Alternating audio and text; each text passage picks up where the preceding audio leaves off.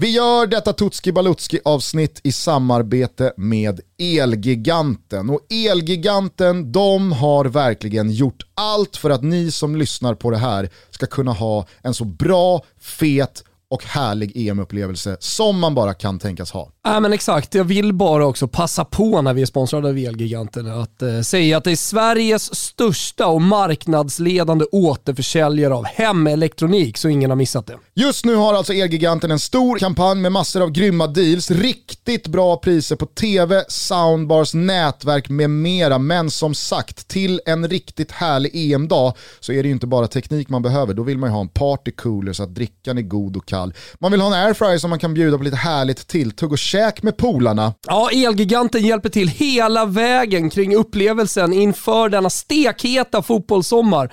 Även med installationer ska du veta Gusten. Ja, ja, de tar det ju hela vägen. Hörni, skapa mästerskapsupplevelsen på hemmaplan med Elgiganten. Optimera med teknik och ljud, se till att ni har riktigt fet skärm för att verkligen maximera upplevelsen helt enkelt på Elgiganten. Yes, och just nu så är det en stor kampanj med massor av grymma deals och riktigt bra priser på tv, soundbars, nätverk och all Oj. annan hemelektronik som kan tänkas hjälpa dig att göra en så fet mästerskapsfest du bara kan tänka dig. Så besök Elgiganten.se eller något av Elgigantens varuhus för att säkra din mästerskapsupplevelse. Vi säger stort tack till Elgiganten för att ni är med och möjliggör Tutski Balutski. Stort tack!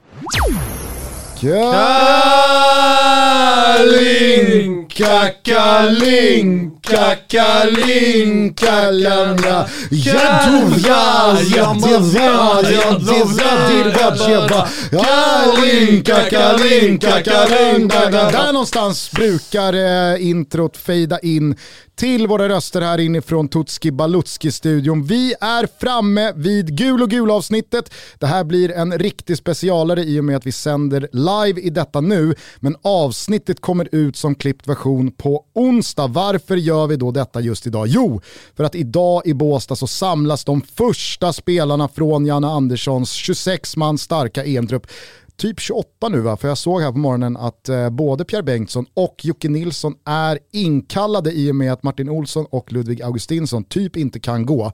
Eh, men eh, det är ju därför vi väljer att eh, tajma in eh, den här inspelningen just nu. Fan är läget Thomas och Svanen? Ja, men Sveriges MVP Pierre Bengtsson, han har ju blivit det nu. Alltså, om det är så att eh, ja, Martin Olsson och Ludde inte kan spela så får han ju en jävla nyckelroll. Ja, ja. kanske han inte liksom axlar den, det har jag ingen aning om. Jag tycker han har varit helt okej när han har spelat med. För att svara på Gustens fråga så mår jag helt eh, toppen. Vi har ju precis fått lite leverans av våra nya fräscha Nakata-grejer.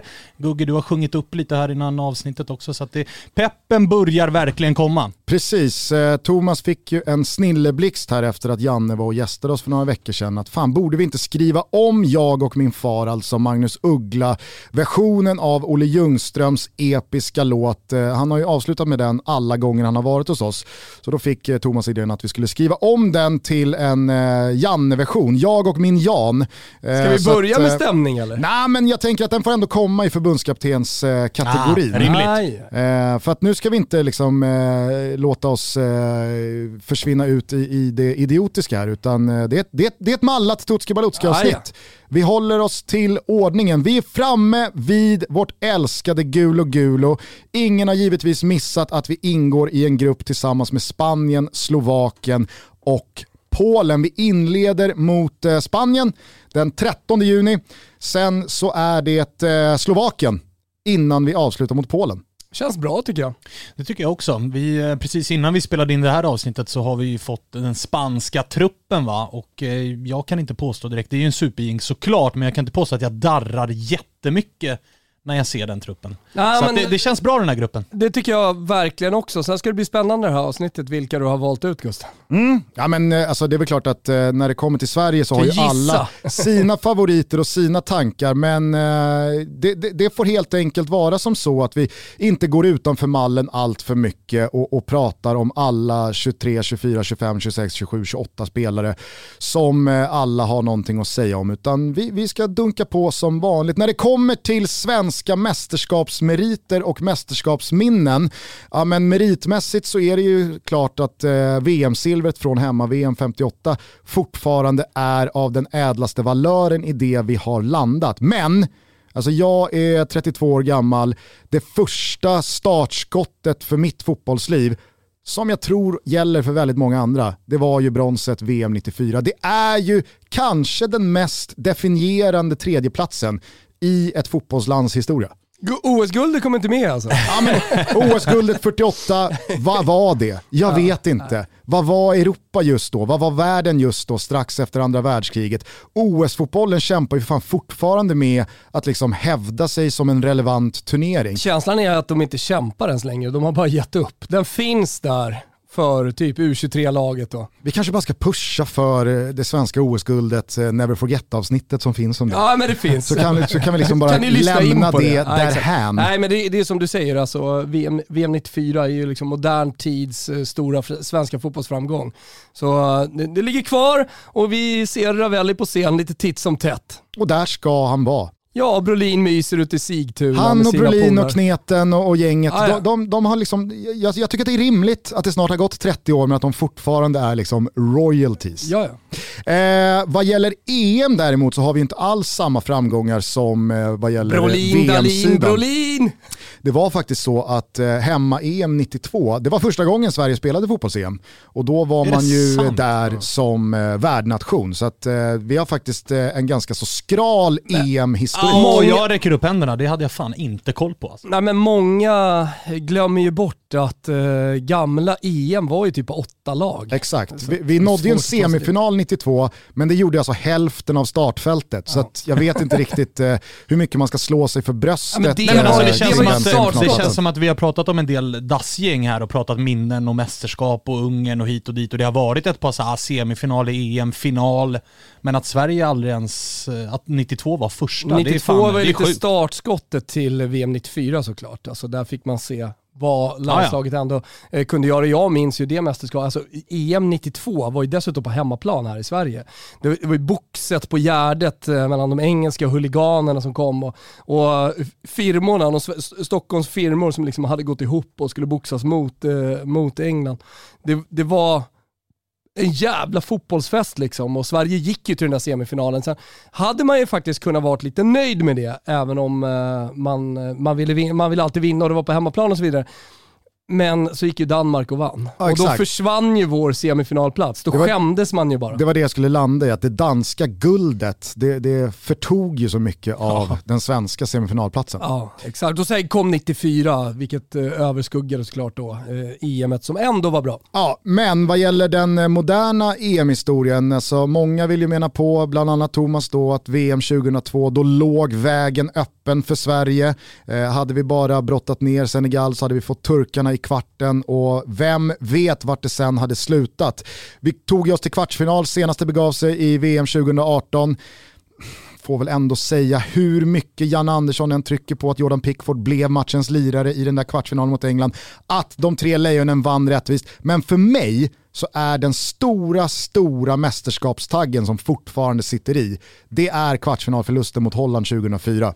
Alltså jag tänker på den matchen, jag tänker på Ljungbergs stolpskott, på Henkes ribbskott, på Zlatans skräckslagna blick, på Mellbergs jävla panik när han går fram med nerhasade strumpor och benskydden kastade och alla bara vet att han kommer missa. Alltså det, det uttåget, den sorteringen, alltså det, det det stör mig fortfarande. Ja, men det är framförallt någonting det du säger där med Mellberg, att det, kändes ju som att vi hade förlorat när straffarna drog igång. För att det var, man såg på ögon och på hållning. Och, Uppenbarligen och, har man ju fått berättat alltså, i efterhand också om hur, ja. hur, stämningen var, att det var folk som inte ville slå straffar. Ja, men det var ångest och det syntes och man kände där att vi, vi kommer inte lösa det här. Klassiska det varit... bilder också, Ljungberg, eh, mm. Olof Mellberg. Absolut, men sen hade det ju varit, fast det var 2002. Det var 2002. Det var 2002. Ja, just det, just det. Men eh, det var ju, det hade ju varit en sak ifall Sverige hade liksom stått pall och liksom, likt vi gjorde på San Siro mot Italien jobbat mot klockan, klarat ett oavgjort resultat och sen tagit det till straffar och åkt.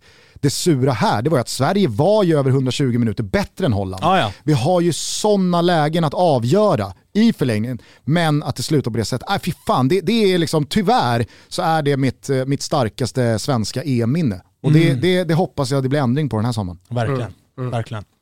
Eh, kommer ni ihåg hur vi tog oss till eh, EM? Det är ju fan ett och ett halvt år sedan Quaison löste biffen. Alltså helt ärligt så har jag ganska dåliga minnen från ja, det, det EM-kvalet. Det är lite suddigt. Fan, eh, uppfriska man våra minns minnen. man minns Nations League, men inte så mycket av kvalet. Så kör! Vi eh, ingick ju i en sexlagsgrupp tillsammans med Spanien, Rumänien, Färöarna, Malta och Norge. När fan kom Norge-avsnittet?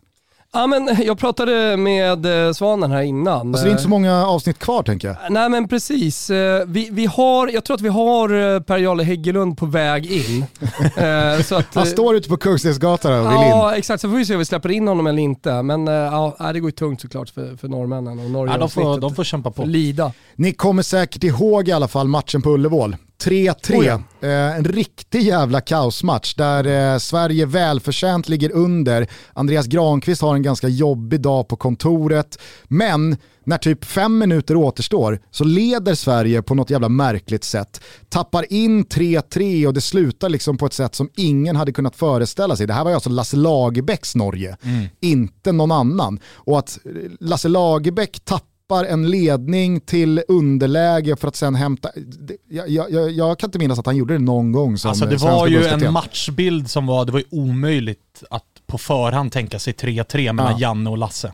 Nej, men eh. framförallt så var det ju känslomässigt jävligt märkligt för att eh, när, när vi gjorde 2-2 så var man lite, eller när det stod 2-0 så hade man ju köpt in sig på 2-2. Och sen när vi gör 3-2 då, då vill man, och de gör 3-3 sen, då blir man ju lämnar ju matchen med någon konstig besvikelse. Jag kommer så jävla väl ihåg att du och jag pratade med Micke Lustig dagen efter ja. och han var så här, vet fortfarande inte om jag ska vara glad eller om jag ska vara glad eller om jag ska vara Nej, men I slutändan liksom. så handlar det om att gå till EM, så uppenbarligen så skulle ja, ja. vi vara ganska nöjda med ja. det där krysset. Ja. Det, det gick vägen. Eh, några månader senare så gick vi i alla fall under så det bara sjöng om det på Santiago Bernabéu borta mot Spanien. Viktor Claesson drog korsbandet och eh, Spanien, tycker jag i alla fall, körde över ett Sverige som försökte stå pall runt egen box, men det var klasskillnad på oh, alla håll och kanter. Eh, där och då så säkrade ju... Det var ändå uppläxning, rejäl uppläxning under Jan Andersson. Ja, den var svettig alltså. Så ja. tillbakatryckta som vi var. Det var länge sedan. Ja, det var en alltså. överkörning. Det var en rejäl överkörning. Hur som helst, där och då så vann ju givetvis Spanien gruppen, men eftersom eh, två lag gick vidare direkt så hade man ju ändå gott hopp hela vägen. Och sen så var det ju en stabil höst. Vi löser 1-1 mot Norge på Friends. Martin Ödegård var ju otrolig. Mm. Eh, alla som var på plats kommer nog ihåg, mm. precis som jag, att det var då man fattade att Ödegård är på riktigt. Satt man i spännande, på spännande att se vad han kan göra i sommar. Mm. Men sen så gjorde ju Sverige det Sverige gör bäst under Jan Andersson. Man står för stabila insatser och bara städar av länder som Färöarna, Malta. Man eh, slår Rumänien på bortaplan med eh, en eh, ja, men fin insats och det var där avancemanget säkrades. Mm. På det här så ska man komma ihåg att vi var riktigt bra mot Spanien hemma. Mm. Alltså Spanien hade ju vunnit den här gruppen alldeles oavsett och det ska man ju såklart ha med i beaktning. Men eh, sammantaget så var det ju ett jävligt bra genomfört eh, svenskt EM-kval. Mm. Men man kommer ihåg eh, matchen mot Rumänien borta ju. Det var ändå ganska stor dos nervositet inför den. Alltså vi vet ja. ju om Bulgarien, Ungern, den typen av länder. Vi har haft lite problem med att vinna de matcherna tidigare, men det var ju ett Sverige som verkligen, verkligen var bra i den matchen. Ja, och det är ju det som har varit utvecklingen under Jan Andersson och kommer in på det i Nations League ju. Alltså att vi, vi gör eh, resultatmässigt eh, ett dåligt Nations League, men vi hamnar i dödens grupp, den tuffaste gruppen. Eh, Finns det verkligen dödens grupp i Nations League? Ja, om inte annat så inför vi det nu. vi hamnar i Nations Leagues dödens grupp. Men kolla på de andra A-grupperna. Ja, alltså, där hade vi hävdat oss i alla. Jag är helt övertygad om att vi hade gjort resultat. Vi hade definitivt inte åkt ur. Nu är vi till och med nära på att lösa en biljett till nästa vända Nations League också i A-gruppen. Eh, men jag ska bara säga det, det, det vi har lärt oss det är dels då att hantera sämre motstånd, eh, eller ganska jämnt motstånd än att kunna spela. Eh, och så dessutom då kunna spela fotboll mot de här stora nationerna. Det har Sverige i stort sett aldrig gjort. Nej men precis, vi ska inte fasta i Nations League-hösten. Jag tycker att alla ni som inte hört eh, Toto Balotto-avsnittet med Janne nyligen kan ratta in det. Där pratar vi lite mer om eh, vilket mindset man gick in i den här hösten med, med tanke då på att man mötte världsmästarna Frankrike, Europamästarna Portugal och eh, VM-finalisterna Kroatien. Mm. Jag tyckte man använde de här sex matcherna på helt rätt sätt och faktiskt ja, men lät resultaten komma i andra hand. Det viktiga var att nu ska vi utveckla vår förmåga att spela mot de allra bästa lagen lagen. Eh, resultaten är inte så jävla mycket att säga om. Eh, det tycker jag däremot man ska fokusera på när vi pratar VM-kvalet här som drog igång i slutet av mars. För att eh, vi menade ju på i Toto Balutto-avsnittet dagen efter premiären mot Georgien att vad i helvete var det som försiggick här ute på Friends. Ja. Sen så har ju den där matchen kommit att eh, verka ett annat sken mm. när man sen då ser Georgien mot Spanien och mot Grekland. Och... Ja, man har insett att de har världens bästa spelare i truppen. Precis, nummer 18 som nummer man fortfarande 18. inte riktigt vet vad han heter. Men eh, alltså att, att vinna och hålla nollan när man har en riktigt dålig dag på jobbet, mm. det är en styrka i sig. Klart. Och jag tycker att eh, det dessutom fungerade som en jävla väckarklocka för eh, landslaget när man bara några dagar senare åker ner till Kosovo och gör en riktigt bra insats. Det svajade lite Exakt. i början, men från 1-0 så är det ett lag på banan. Ja, men det är en rejäl uthängning skulle jag vilja säga ner mot Kosovo, för då var vi nervösa. Vad är vi egentligen? Eller vad står vi egentligen, det här landslaget? Det är bara några månader kvar till EM efter då den här prestationen mot Georgien. Helvete, då fick man upp eh, hoppet igen och då såg man Janne, Anders, Janne Anderssons landslag. Ja, och med tanke på att Sverige då står på sex poäng efter två matcher. Vi spelade ju bara en eh, träningslandskamp som tredje fight mot Estland den här vändan, så lever ju hoppet. Jag har inte gett upp eh, möjligheten att faktiskt vinna vår grupp. Alltså, Verkligen det, inte. Det, det, är två matcher mot Spanien det kommer handla om, så länge mm. vi gör jobbet mot, eh, mot övriga lag, som vi ska och som man verkligen tror att vi, att vi kommer göra. Klart vi går för gruppseger. Ja, med tanke på Spanien tappade hemma mot Grekland och var nära att göra det mot Georgien, så det är klart att det finns stort hopp. Tutski Balutski är väldigt glada över att vara sponsrade av Lavazza, symbolen för italienskt kaffe världen över. Italiens största kaffevarumärke som italienarna själva druckit sedan 1895 mm. då det grundades i Turin. Men Lavazza gör ju såklart inte bara kaffe för italienare utan de gör ju verkligen kaffe också för oss svenskar.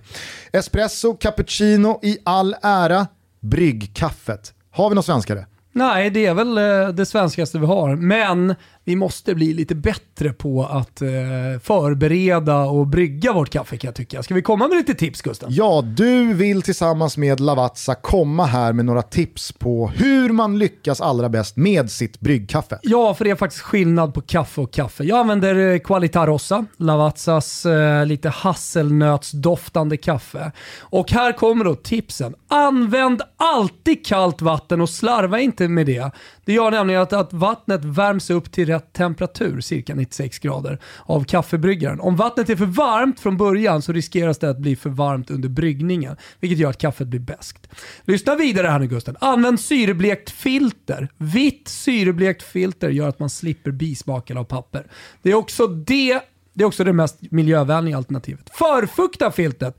Alltså skölj igenom filtret med, med vatten. För det finns risk att kaffet annars tar andra vägar och inte rinner igenom kaffet som det ska vilket ger ett blaskigt resultat. Så förfukta filtret. Sen, dosera noggrant. Använd helst en våg för att mäta upp ditt kaffe. Det är enkelt. Folk tycker, vadå, vad krångligt ska jag göra det? Men det är inte krångligt. Jag rekommenderar 6 gram kaffe per deciliter vatten. Men lär känna ditt kaffe för alla, ja men smaken är som baken och så vidare. Slutligen, förvara kaffet mörkt och svalt för att behålla alla aromer handlar det om Gusten i kaffet. Så är det bäst att förvara det i sin originalförpackning förpackning som försluts och förvaras mörkt och svalt. Kombinera det bästa av två världar, det svenskaste vi har med det godaste från Italien. Qualita Rossa mm. är kaffet, Lavazza är märket. Vi säger stort tack till er Lavazza för att ni är med och möjliggör Tutski Valutski. Grazie mille. Alla har ju givetvis eh, följt den eh, trupp som tog ut förra veckan. Mm. Det är sex dagar sedan från att vi spelade in det här som Janne namngav de 26 namn som ska göra det. Återigen då, det har varit lite småskavanker på vissa spelare här mot slutet vilket gör att då Pierre Bengtsson och Jocke Nilsson har kallats in. Men det kan vi återkomma till. Ska vi prata lite om förbundskaptenen? Det tycker jag definitivt. Alltså, nu vill jag börja komma i stämning. Nu är det en jävla massa snack om hur vi har kommit hit och allting. Fan, nu är det EM om ett par veckor. Mm. Ge mig Janne Andersson Ska vi lyssna till då uh, Tutski Balutskis version av Jag och min far som vi har gjort om till Jag och min Jan? Ja, och jag tänker så här, den här kan man gärna ta med sig till sina kompisgäng när man åker eh, ner till EM, de som gör det och ser på matcherna. Och eh, för all del tycker jag liksom att det här kan bli lite av en läktarramsa. Ja, Det dels det. vi Och sen så, Ja. vi, vi minns ju från, eh, alltså, som ditt Roma till exempel, Gusten. Det finns ju en inno, men så finns det ju en låt man spelar efter matchen, efter en seger. Vi har ju våran... Exakt. Jag tänker att det här, det här kan funka som eh, den som kommer efter slutsignalen. Där är den fin. Ja, men jag, jag drar igång det här då, Ja, ja. och så får ni helt enkelt eh, bara sjunga med om ni vill. Ja. Okej? Jag ska njuta. Ja, jag ska nog sjunga med lite. Ja, men gör det. Där borta vid bänken har vi ställt vår Jan. Han leder vårt landslag mot fornstora dagar. Och ända sen dagen då han tog sitt jobb har vi som lidit återfått hopp. Glädje och stolthet snälla stå kvar är känslor jag känt sen då det blev jag och min Jan. Han tog oss till Ryssland och en kvartsfinal. Han lackar på tysken och pyntar sin gran. Han pratar om laget och att då är då. Han pissar på lättja och att någonting är svårt. Jobbet ska göras och det gör vi bra de 90 minuter då det är jag och min Jan. Där borta vid bänken har vi ställt vår Jan. Han skriker på domaren och mår ganska bra. Snälla stanna för alltid. För det är här du ska vara. Du älskar ditt Sverige så kliv aldrig av. Cirkeln ska slutas, vi ska till final. Vi ska enas i historien, jag och min Jan. Cirkeln ska slutas, guldet till vårt lag. Vi ska enas i historien, jag och min Jan. Va? Är det... Oj, oj, oj. Total gåshud. Ja, nej men eh, jag, jag tyckte att eh, vi fick till en ganska bra text här. Absolut, Ja, det här var ju- jättemysigt. Fan alltså, det här kommer Texten gå. och att det är den här, alltså att det är jag och min far som det blir en liten mix utav här. Det är um, otroligt. Hur narcissistisk är man när man känner att kanske, kanske pressa Janne fram en tår där nere i eh, Båstad när han, när han nås av det här? Ja, vi får väl se, vi skickar ut det till våra, våra polare i, i Kan, landslaget. kanske så när, när Janne har lyssnat, alltså min dröm är ju att när Janne har lyssnat klart och han pressar fram en tår, det enda han ska höra då, då är bara en bank på sin dörr. Står Wettergren där, rödgråter han också, så bara förenas de i en jävla kram. Om det är det Kanske är det ju- sista procenten som gör att vi Sån går till jävla finalen. hybris som låtskrivare har man. Nej, men jag, tycker, alltså, jag tycker vi ska ta fasta på en rad här som jag har skrivit ner. Snälla stanna för alltid för det är här du ska vara. Mm. Visst, det, det är kanske lite överdrivet, men det Ah. är verkligen så jag känner ja, ja, ja. kring Jan Andersson som förbundskapten. Så jävla rätt det blev. Ja men alltså det har ju varit eh, under ganska många år som det har varit trupputtagningar till EM och VM och det har alltid varit diskussioner. Jag skrev det på Twitter någon timme efter att truppen kom, att jag skiter i hur den ser ut. Jag tycker att det är rätt och det är så jag känner och har gjort det ganska länge kring Janne. Att man litar ju på precis allt han säger och precis allt han gör så är man bara, ja då, då kör vi på det. Ja, Alltså, han, han har gjort resultat som gör att det är bara hoppa ner i båten ja, ja. och lita på honom. Och även om, det kan man ju argumentera för att även typ Lasse Lagerbäck gjorde, men det var ändå en del grejer där man kände att så, ah, men du borde gett Zlatan chansen tidigare och det där med Kim och Anders på mitten, där fanns det en åsikt. Här finns det ju säkert grejer att diskutera, men Janne som person, till skillnad från Lasse, gör ju att man verkligen känner sig trygg i precis alla val han gör. Och Jannes fotboll fotboll, till skillnad från Lagerbäcks fotboll, ger ju en känsla av att här strävar vi efter att få ut så mycket som möjligt. Alltså det var ju kanske det man har liksom känt i efterhand med Lagerbäck, att vi nådde mästerskapen, men väl där så var åttondelsfinal, det var taket. Vi kunde inte gå längre för att vi valde att fokusera på att minimera motståndarnas styrkor. Vi valde att liksom freda vårt mål snarare än att tänka hur kan vi göra mål framåt. Med Janne så känner jag över tid, över de här snart fem åren han har varit igång, att vi utvecklas som lag, mm. vi strävar efter att föra spelet, vi ska vinna på egen kraft. Det kostar någon smäll här och där och vi måste alltid utgå från att vi är Sverige. Vi är inte Brasilien, Tyskland Verkligen eller Spanien. Verkligen. Men vi försöker i alla fall hela tiden pressa oss själva till att bli bättre som fotbollslag. Och alltså, på det, hans personlighet, hans sätt i media, han är alltså otroligt slipad på presskonferenser, trevlig.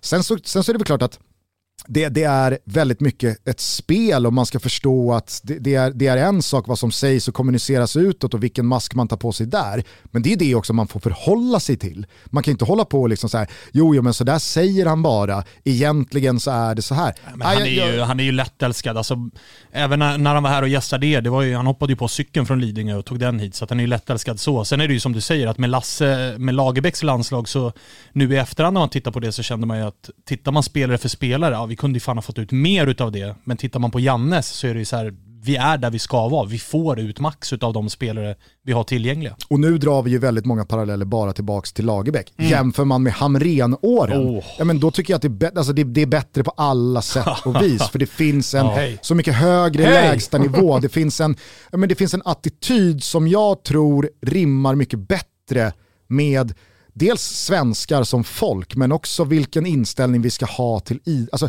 vi, vi, vi ska inte ta på oss en tredelad kostym, eh, ha en cigarr redo och prata om Shining och tro liksom att vi ska åka till Amsterdam eller Tyskland och spela ut Holland och Fritz. Alltså nej, nej. Vi ska göra jobbet, vi ska mm. gnugga, vi ska se på uppgifter som tuffa, vi ska inte underskatta någon, vi ska jobba hårt och, och, och, så ser vi vad det räcker till. Lojalt lagarbete. Det är fan de vackraste två orden som finns. Lojalt lagarbete. Det är fan en svanktatuering. Nej, ja, jag vet inte, eh, rent så här formationsmässigt och vilken fotboll han står för behöver vi säga så jävla Nej, mycket. Nej. Men det som är intressant, eh, det, det, blir ju vilka han väljer och det är en pågående diskussion kommer vara hela vägen fram. Eh, just med Klasen Kulusevski, vilket anfallspar blir det? Men allting talar väl ändå för att det är Klasen som startar och att det längst fram blir Marcus Berg och Alexander Isak. Mm. Det är känslan ja. Absolut. Det är känslan. Ja.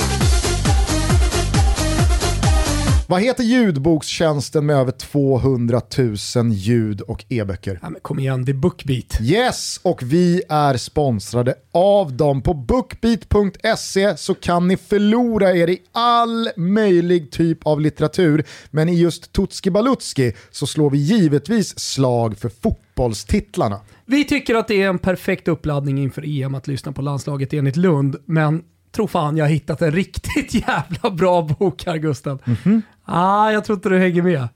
Blågult heter boken. Historien om Sveriges landslag i fotboll från den första landskampen 1908 och framåt. Givetvis också förgylld med lite klassiska radioreferat även den här boken. Ja, men det är perfekt. Alltså lär er allt om gul och gul och som även kallas blågult genom att lyssna på titeln Blågult just av Jesper Högström. Har man med sig den och landslaget enligt Lund in i mästerskapet i sommar, ja, då kommer man i alla fall inte gå bort sig vad gäller den svenska fotbollshistorien. Nej, och vet du vad som är bäst av allt Gusten? Nej det är att det just nu är en månad gratis prova på och man får lyssna på så många böcker man bara vill. Man använder koden TOTOBALOTTO i ett ord och så får man alltså BookBeat i en månad helt gratis. Bara lyssna på på de här tittarna. vi har tipsat om. Koden gäller alla nya BookBeat-användare, tänk på det. Gå in på bookbeat.se och kom igång direkt. Och hörni, kom ihåg att BookBeat är kompatibelt med Apple Watch, så nu behöver du inte störas av telefonen på löpturen, promenaden eller när du tar det lugnt i soffan, utan du kan lyssna på din ljudbok direkt från klockan. Gå in på bookbeat.se, Toto Balotto är alltså koden. Vi lyfter på hatten och säger stort tack till BookBeat för att ni är med och möjliggör Tutski Balutski. Stort tack! Eh, vad gäller snackisar så finns det ju ett par givna. En sån som kanske är den största, Zlatans knäskada till trots. Mm. Det är ju någon som eh, ja, men, är en bra segway från Janne-segmentet och det är ju Andreas Granqvists mm. plats mm. i den här truppen. För där är verkligen för mig det yttersta exemplet på vad jag menar med att jag har fullt förtroende för Jan Andersson. Mm. Om han tar det här beslutet, då ställer jag mig bakom det tills någonting annat har bevisats. Man kan säga vad man vill om Andreas Granqvists fysiska status, men tar Janne det här beslutet och tar med honom, ja, men, då, jag, jag stöttar det. Ja, men så här, Janne har alltid varit bra på att analysera och att eh, förklara sina beslut i efterhand tycker jag.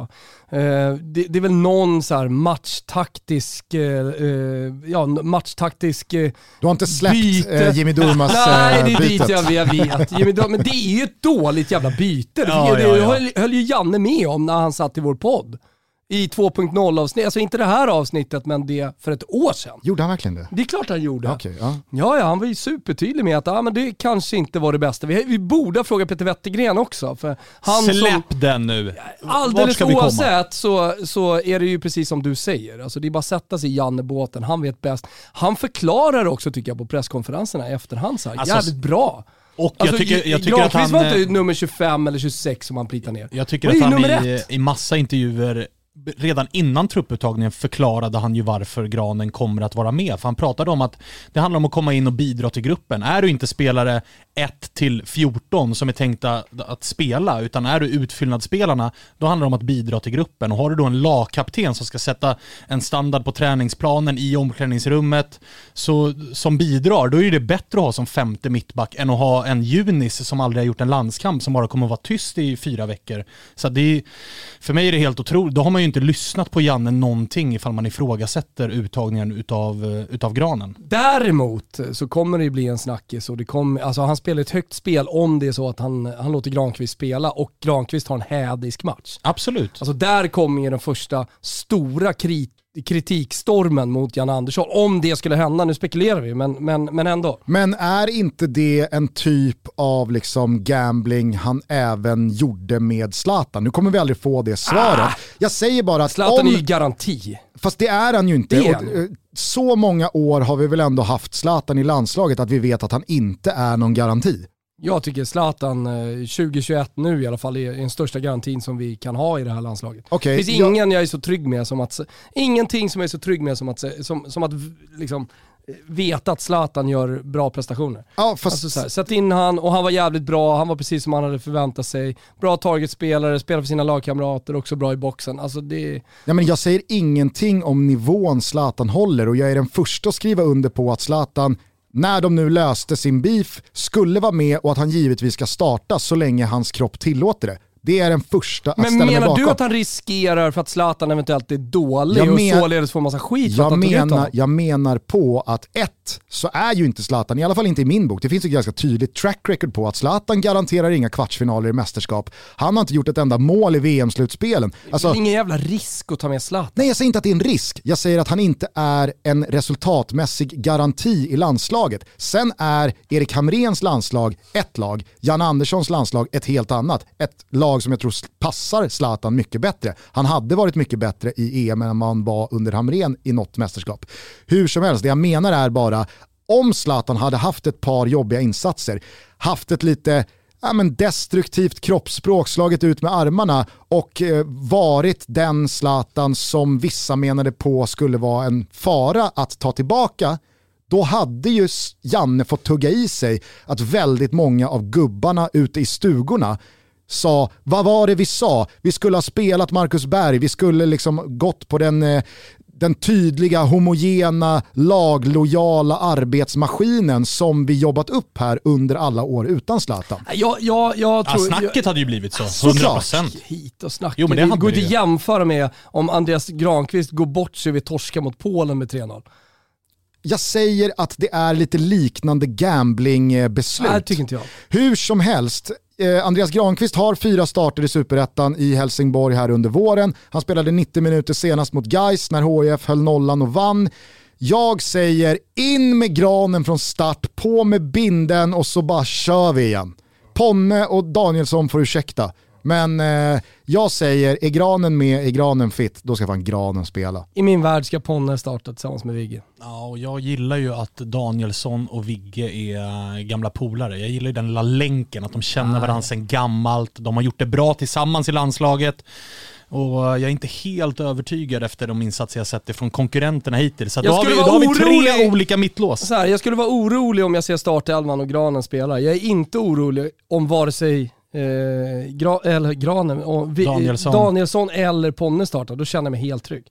Ja, vi får väl se. Det här är ju också den stora sportsliga snackisen för att Zlatan är ju inte med, Granen är med i truppen, men vem ska egentligen spela bredvid Victor Nilsson mm. Lindelöf? På riktigt så känns det som att det finns fyra fullt realistiska alternativ. Ja. För att här har vi inte nämnt Filip Helander heller som startade båda VM-kvalmatcherna i våras. Tanke, med tanke på hur det Kommer ser ut i och för sig från skada men ja, det, det vet de flesta. Med tanke på hur det ser ut på vänsterbackspositionen så är jag jävligt pro på att flytta ut Ponne som vänsterback. Ja, spela med Danielsson och, spela med Danielsson och Vigge. Nu drar vi i någon form av handbroms här. Nu får du Den italienska ah. modellen att flytta ut en mittback ut på ytterbacken. Alltså det är, det, är, det, är hade varit total gåshud om Wettergren och Janne fattade det På tal om det så är man lite spänd på Jannes samtal till Pierre vad den här gången då. När det var Tjena Pierre! Tjena gubben! Tjan! Läge då? Janne här. April, april!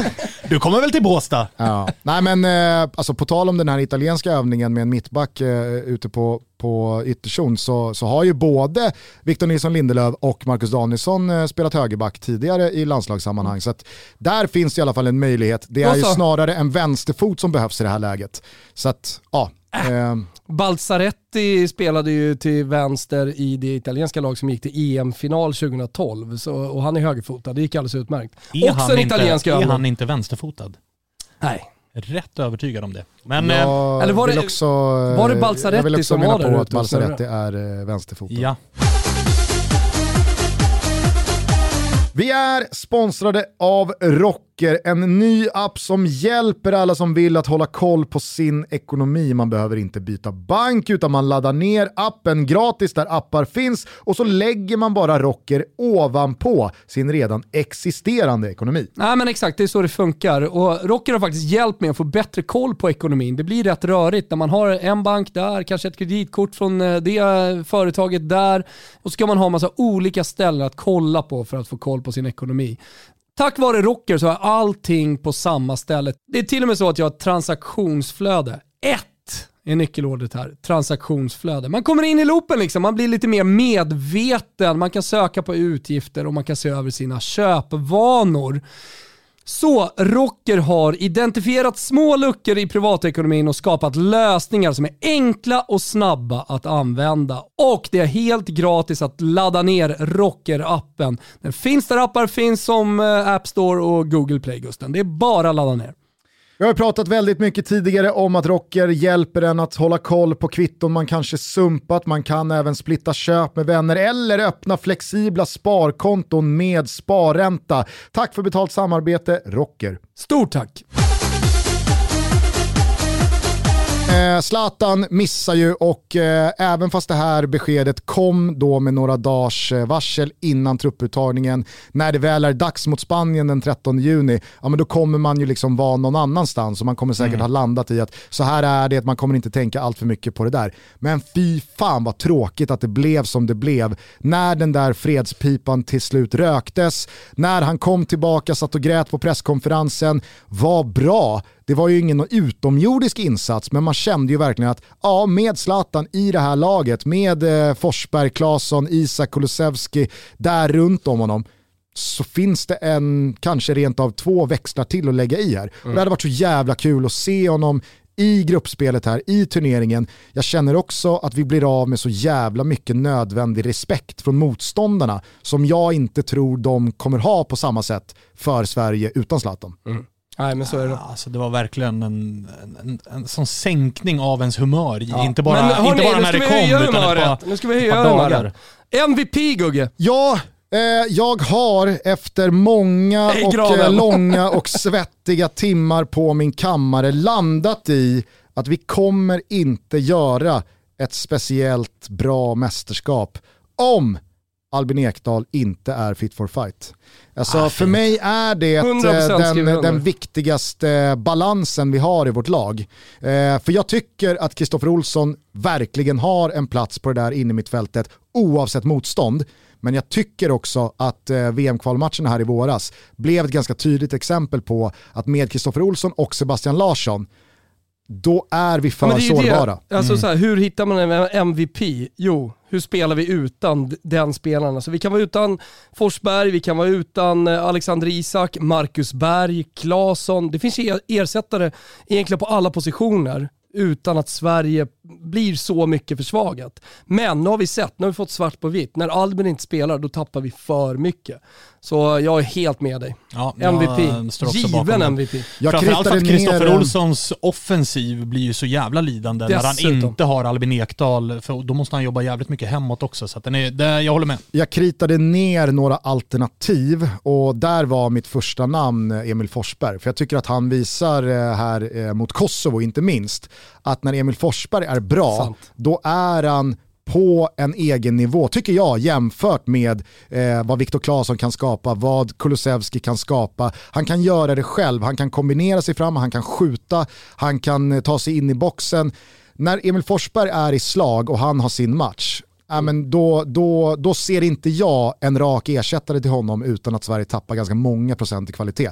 Sen har det ju varit svajiga år med Emil Forsberg, det har varit jävligt mm. mycket upp och ner. Många minns säkert eh, VM 2018 när, när han fick en del kritik. Eh, han gör det där målet mot Schweiz och, och är nästan lite liksom lack i intervjun efteråt, mm. att det har varit en del snack va? Mm. Ja, eh, Sverige behövde Emil Forsberg idag och idag klev Emil Forsberg alltså, han känner ju av det där också. Ja, Många minns när han lämnade EM-kvalet där och åkte hem, eventuellt var den där ljumsken, eventuellt var det det inte.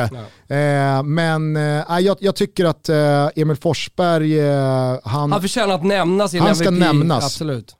Jag tycker att eh, Victor Nilsson Lindelöf också givetvis är en spelare vi eh, väldigt, väldigt tidigt ska ha i den där startelvan och behöver i startelvan. Robin Olsen, ah, tycker jag ändå Kribben kliver fram och gör ett par Faktiskt. riktigt bra insatser här senast. Så att, eh, skulle det vara så att eh, Robin Olsen eh, av någon anledning inte kan spela, inte jag speciellt orolig. Varför jag skrev ner hans namn, det var ju för att han i VM 18 senast visade hur viktigt det är att man har en målvakt mm. som har ett par bra veckor. Ja, och där är man ju lite orolig med tanke på den säsongen han har i ryggen. Alltså det är oroligt att kliva in med en första målvakt som inte är ordinarie i sitt klubblag. Att man vet inte riktigt vart formen är någonstans. Så att, eh, jag håller med om att han inte är MVP. Jag håller med om att Kribben har visat sig vara en bra ersättare. Men man är, man, man är lite nojig ändå över Olsen inför här. Mm. Eh, Alexander Isak ville jag på något sätt bara nämna i någon slags kategori, men i och med att han inte är stjärnskottet och han är inte vår gubbe så eh, blir det bara så att jag säger Alexander Isaks namn här, även fast han inte är Alexander MVP. Isak. Ja. Eh, Alexander Isak, så, så var det eh, klart. Jaha, om han inte är stjärnskott då? Nej men det är ju Dejan Kulusevski, ja. för jag tycker att i kategorin så diskvalificerar sig Alexander Isak lite eh, sig själv i och med att han har varit igång så länge. Alltså det är väl... Ändå inte gjort någonting än. Så han skulle ju kunna vara stjärnskott. Ja, jo, alltså, i de här sammanhangen är det klart att uh, han är ett stjärnskott. För, för många uh, i uh, Ungern, England och Italien som kommer följa det här mästerskapet så kommer ju Alexander Isak vara en, en, en ny bekantskap. Spelare, men för oss här hemma, det känns som en evighet sen. Mm. Han slog igenom AIK, han sänkte, var det Djurgården eller var det Bayern? Djurgården på sin 17-årsdag. På sin 17-årsdag med två mål. Det känns som fan en annan värld eh, när Alexander Isak tillhörde Borussia Dortmund. Utlånet till Willem Zweig och alltså, nu känns det som att Alexander Isak på riktigt har etablerat sig som en riktigt jävla klassig La Liga-anfallare. Ja, med tanke då på hur given han är i landslaget, han har gjort en av de där två platserna längst fram till sin alldeles oavsett Zlatan eller inte. För mig ja, det... blir det svårt att liksom ah, ja. säga att han är mer av ett stjärnskott kontra Dejan Kulusevski ja, men... som bara för ett drygt år sedan var en spelare som gnuggade hårt i Parma, gjorde det fruktansvärt bra där, oh. men som inte alls var någon som speciellt många svenskar hade koll på eller och kände till. Backar du bandet ett år till för två år sedan så visste man knappt vem det var. Hade ja, knappt hört talas om namnet. Det var typ Åslund. Ja. Ja, bara han. Men när vi ändå pratar om Alexander Isak så vill jag säga att det som är, jag är mest imponerad av det är att han hela tiden tar kliv i sin utveckling. Alltså han, han, det går liksom inte två månader utan att han fortsätter att utvecklas hela tiden. Och du, du nämnde utlånet i Holland, han bara bombade in mål, kom, hade det ganska tufft att få speltid men tog mer, eller tog mer och mer plats i Real Sociedad och fick mer och mer speltid. Och när den här säsongen skulle börja, som man precis avslutade med, var det 16 eller 17 mål? 17. Fick han det där målet? Han fick det sista. Okej. Eh, 17 mål. Vilket, eh, måste Bäst bara säga, Braskis, märkligt. Alltså, ja, det, är inte, han, det är inte ett mål. Nej. Men han får det. Han får det. Ja, man skulle kunna kalla det för en deflection in också. Nej, men alltså, Bollen är på ett, väg exakt. ifrån målet. Det ska ja, vara det, ett Om du skjuter i ribban och röven, då har, du, du, jag skulle ju kunna säga att jag, jag siktade. Så att den skulle gå i ribban och sen ner eh, på målvakten. Ja. Jag, jag, tycker att han ska få det målet, skitsamma. Han har fått det i alla fall. Det, det, det, är hela tiden, och sen när han har då blivit eh, den självklara striken i Real Sociedad så har han gått ifrån att så här, ja, ha det lite knackigt till att faktiskt hela tiden leverera och bidra och skapa chanser. Även om han inte gör mål varje match så skapar han chanser, kommer till lägen. Så och sen att, var det ju, fixa straffar. Och det var ju också någonting som gjorde att man inte glömde Zlatans skada, men kort efter Zlatans skada så går ju både Dejan Kulusevski och gör, eh, avgör cupfinalen på egen hand, ja. gör mål, eller gör assist i sista matchen.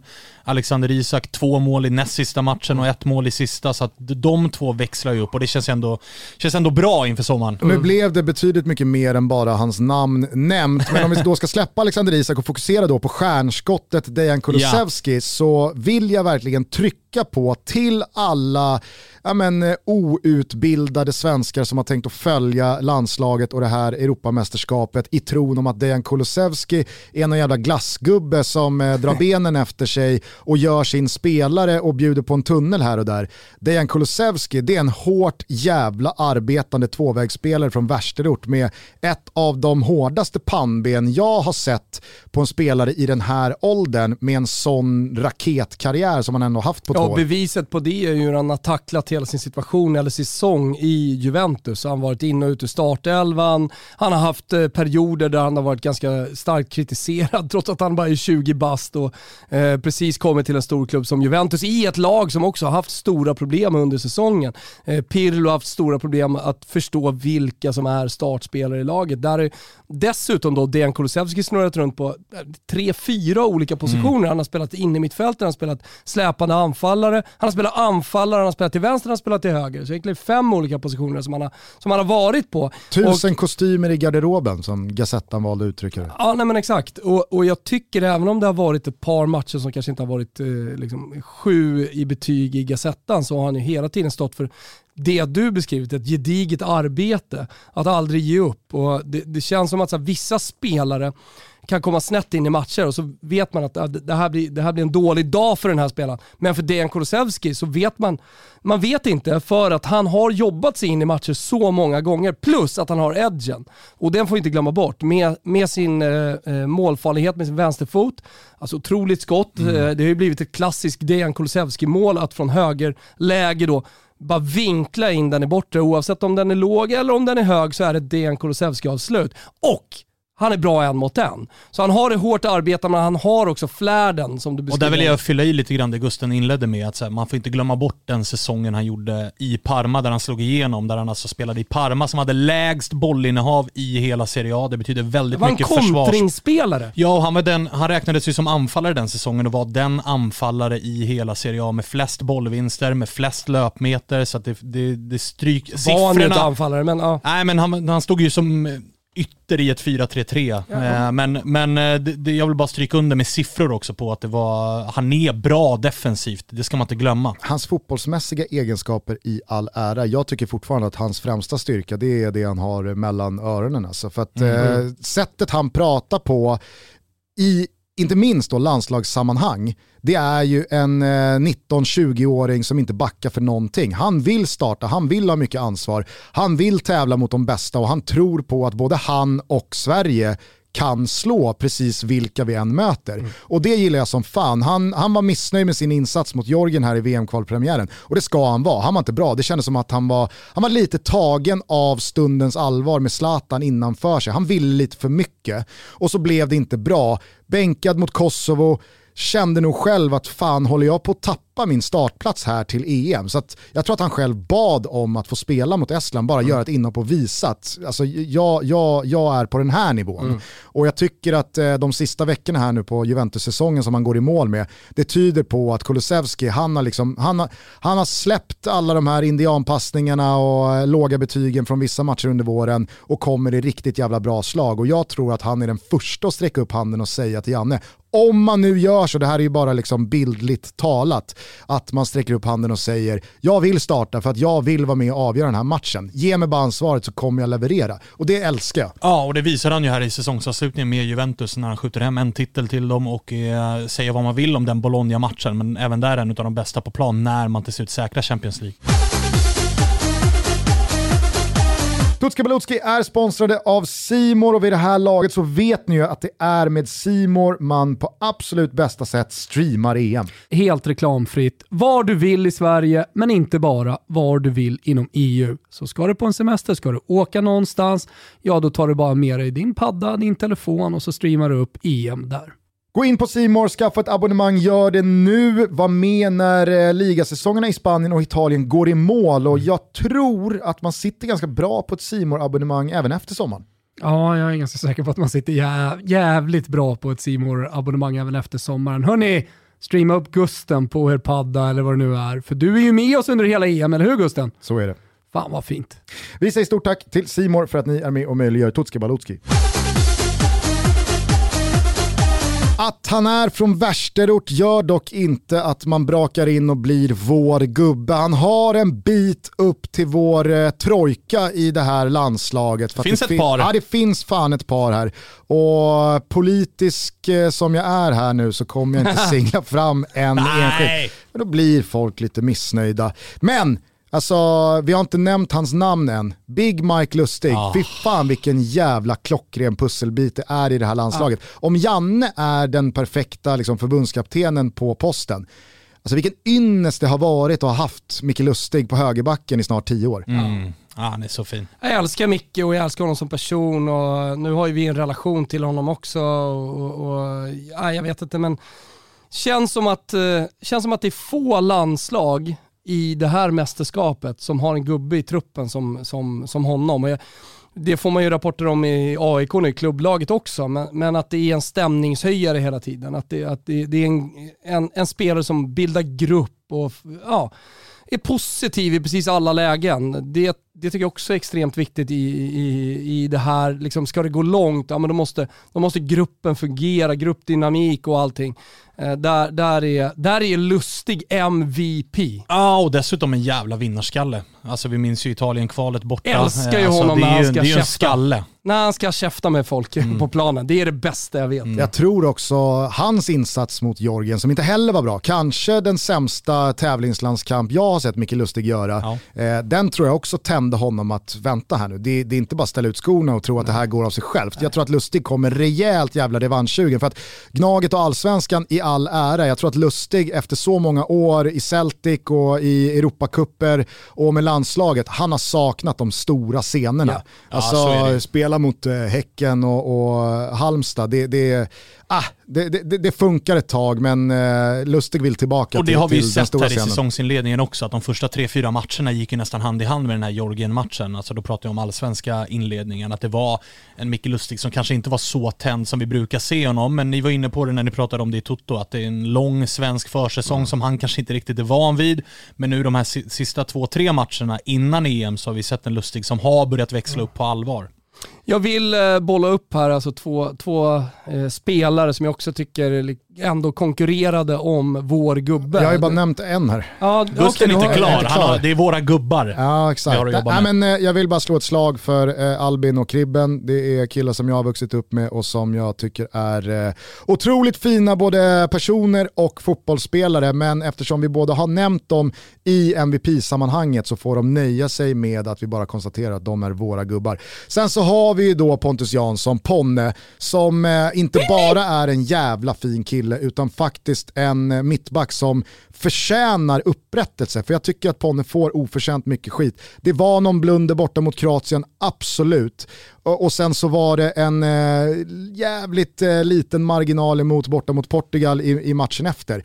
Men alltså, har man sett Pontus Jansson spela så mycket som vi har gjort sen han lämnade Sverige, för jag tror att ingen ifrågasatte Pontus Janssons insatser i Malmö FF. Men sen dess har han ju tillhört lag som folk kanske inte ser varje vecka eller ens varje månad, kanske inte ens en gång per säsong. Jag har tittat mycket Brentford det här året och alltså när, när, när Ponne har fysiken med sig och inte har dragits med skador, det är en otroligt bra mittback. Alltså. nej, det, det det han, har, han har allt, han har bolltryggheten, han har uppspelsfoten, han har positionssäkerheten, han har duellspelet, han har tyngden i luften, han är målfar. Alltså, Vet du vad han också har?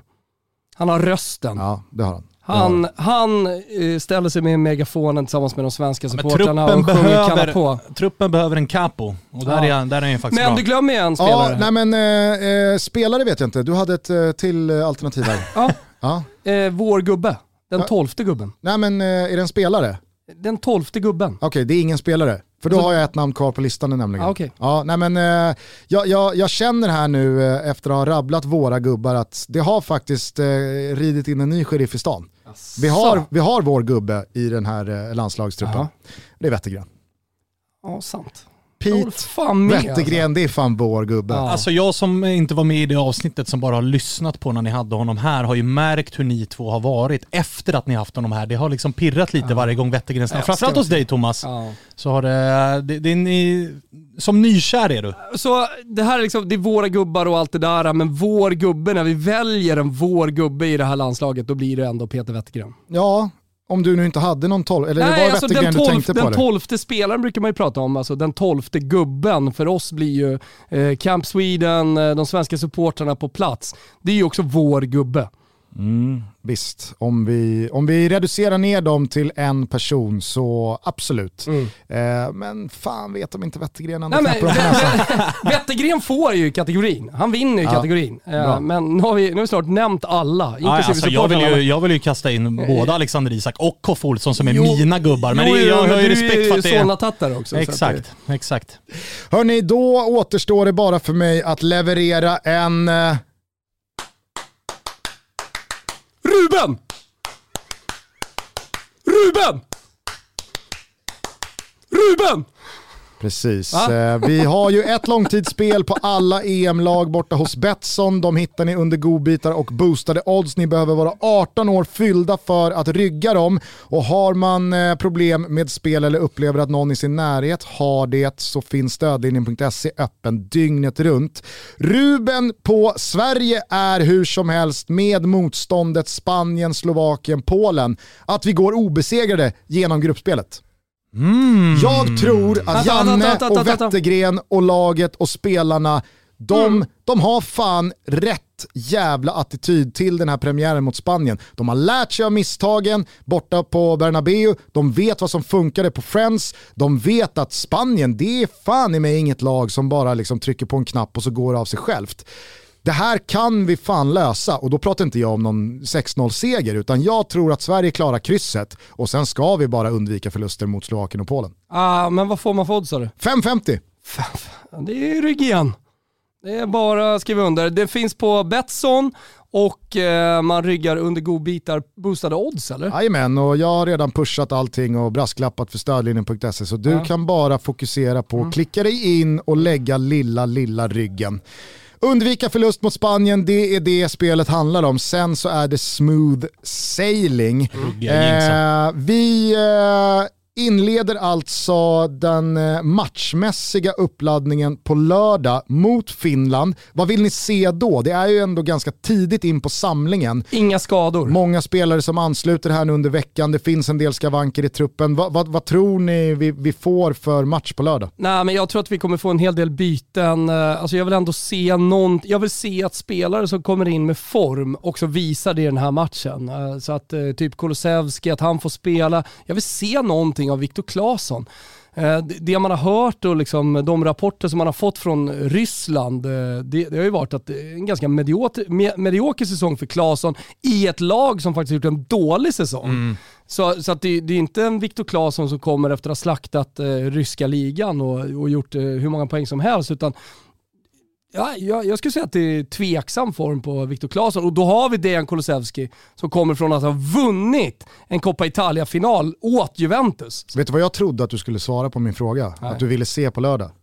En riktigt liksom styltig och hack tråkig jävla Ja men det vill jag också. Det vill jag då, också. då vet man att Thomas liksom ja. landar i att det här är perfekt. Det är ja. exakt så här det ska se ja, men det kommer, det kommer ju landa i om det blir en sån prestation. Alltså värsta som finns är när man håller på och briljerar i träningsmatchen. Som vi gjorde mot Wales 16. Ja. Vann med 3-0, Emil, Forsberg såg Woho! ut som uh, Gareth Bale. Och man kände bara, det här, alltså, var, var, varför, varför, ska vi ens spela om det? Hämta pokalen bara. Typ. Eh, efter eh, Finlandsmatchen så eh, åker svenskarna ner till Göteborg där man parkerar i basecamp innan man vänder tillbaka till huvudstaden och genrep mot Armenien. Mm. Eh, får väl se vad, vad det blir för motstånd. Jag kan Armenien för dåligt. Det är ju Mkhitaryan eh, mm. och sen han från eh, Göteborg va? Karishvili. Karishvili. Uh, nej, han är, han är väl Georgien? ja det är han uh, är, det, är det Kalisir jag tänker på? Ja det kanske det är. Ja, ja, man har ingen koll. Man nej. har ingen koll på det där gänget. Uh, jag ska bara dubbelkolla så att jag inte säger för mycket. Ja men dubbelkolla du, vad säger chatten Ja visst, André Kalisir. Uh, han har ju lämnat uh, Blåvitt. Ja det var väl ett tag sedan. i uh, Apollon Smirnis, fick ni med er där också på, på Cypern. Uh, men, jag måste säga så här, med tanke då på motståndet vi har i gruppen, vi möter Spanien på Estadio de la Cartuja i Sevilla. Mm. Den otroligt okända Sevilla-arenan, den tredje Sevilla-arenan, blev vi flyttad från San Mames i Bilbao och sen då två gruppspelsmatcher i Sankt Petersburg. Jag ser ett scenario framför mig där Sverige blir tvåa i gruppen. Eh, beroende på lite hur eh, det, det faller så kan det leda till en åttondelsfinal eh, mot eh, Skottland, Tjeckien eller Kroatien. Mm. Eh, för det har jag riktat in mig på.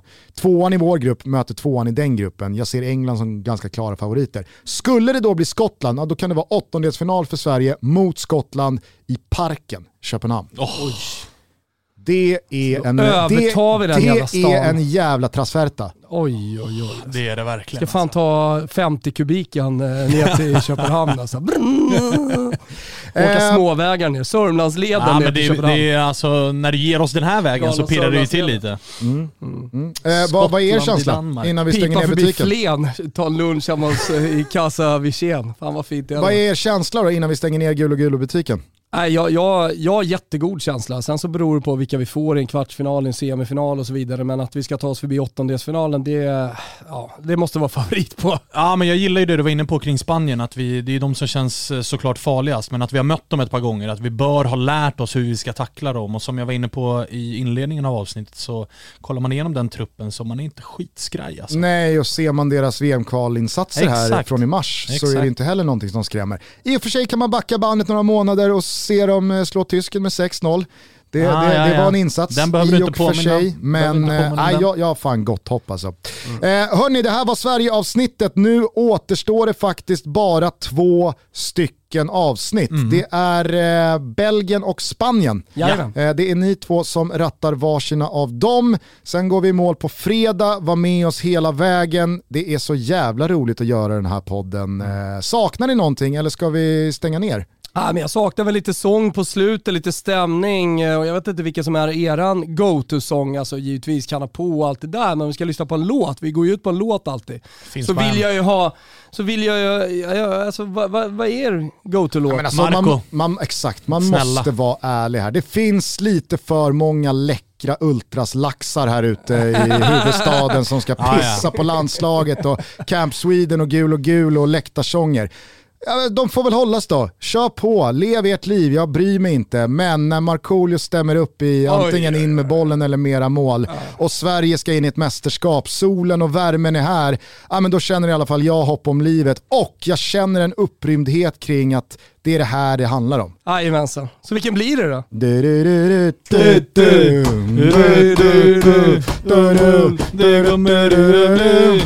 Mera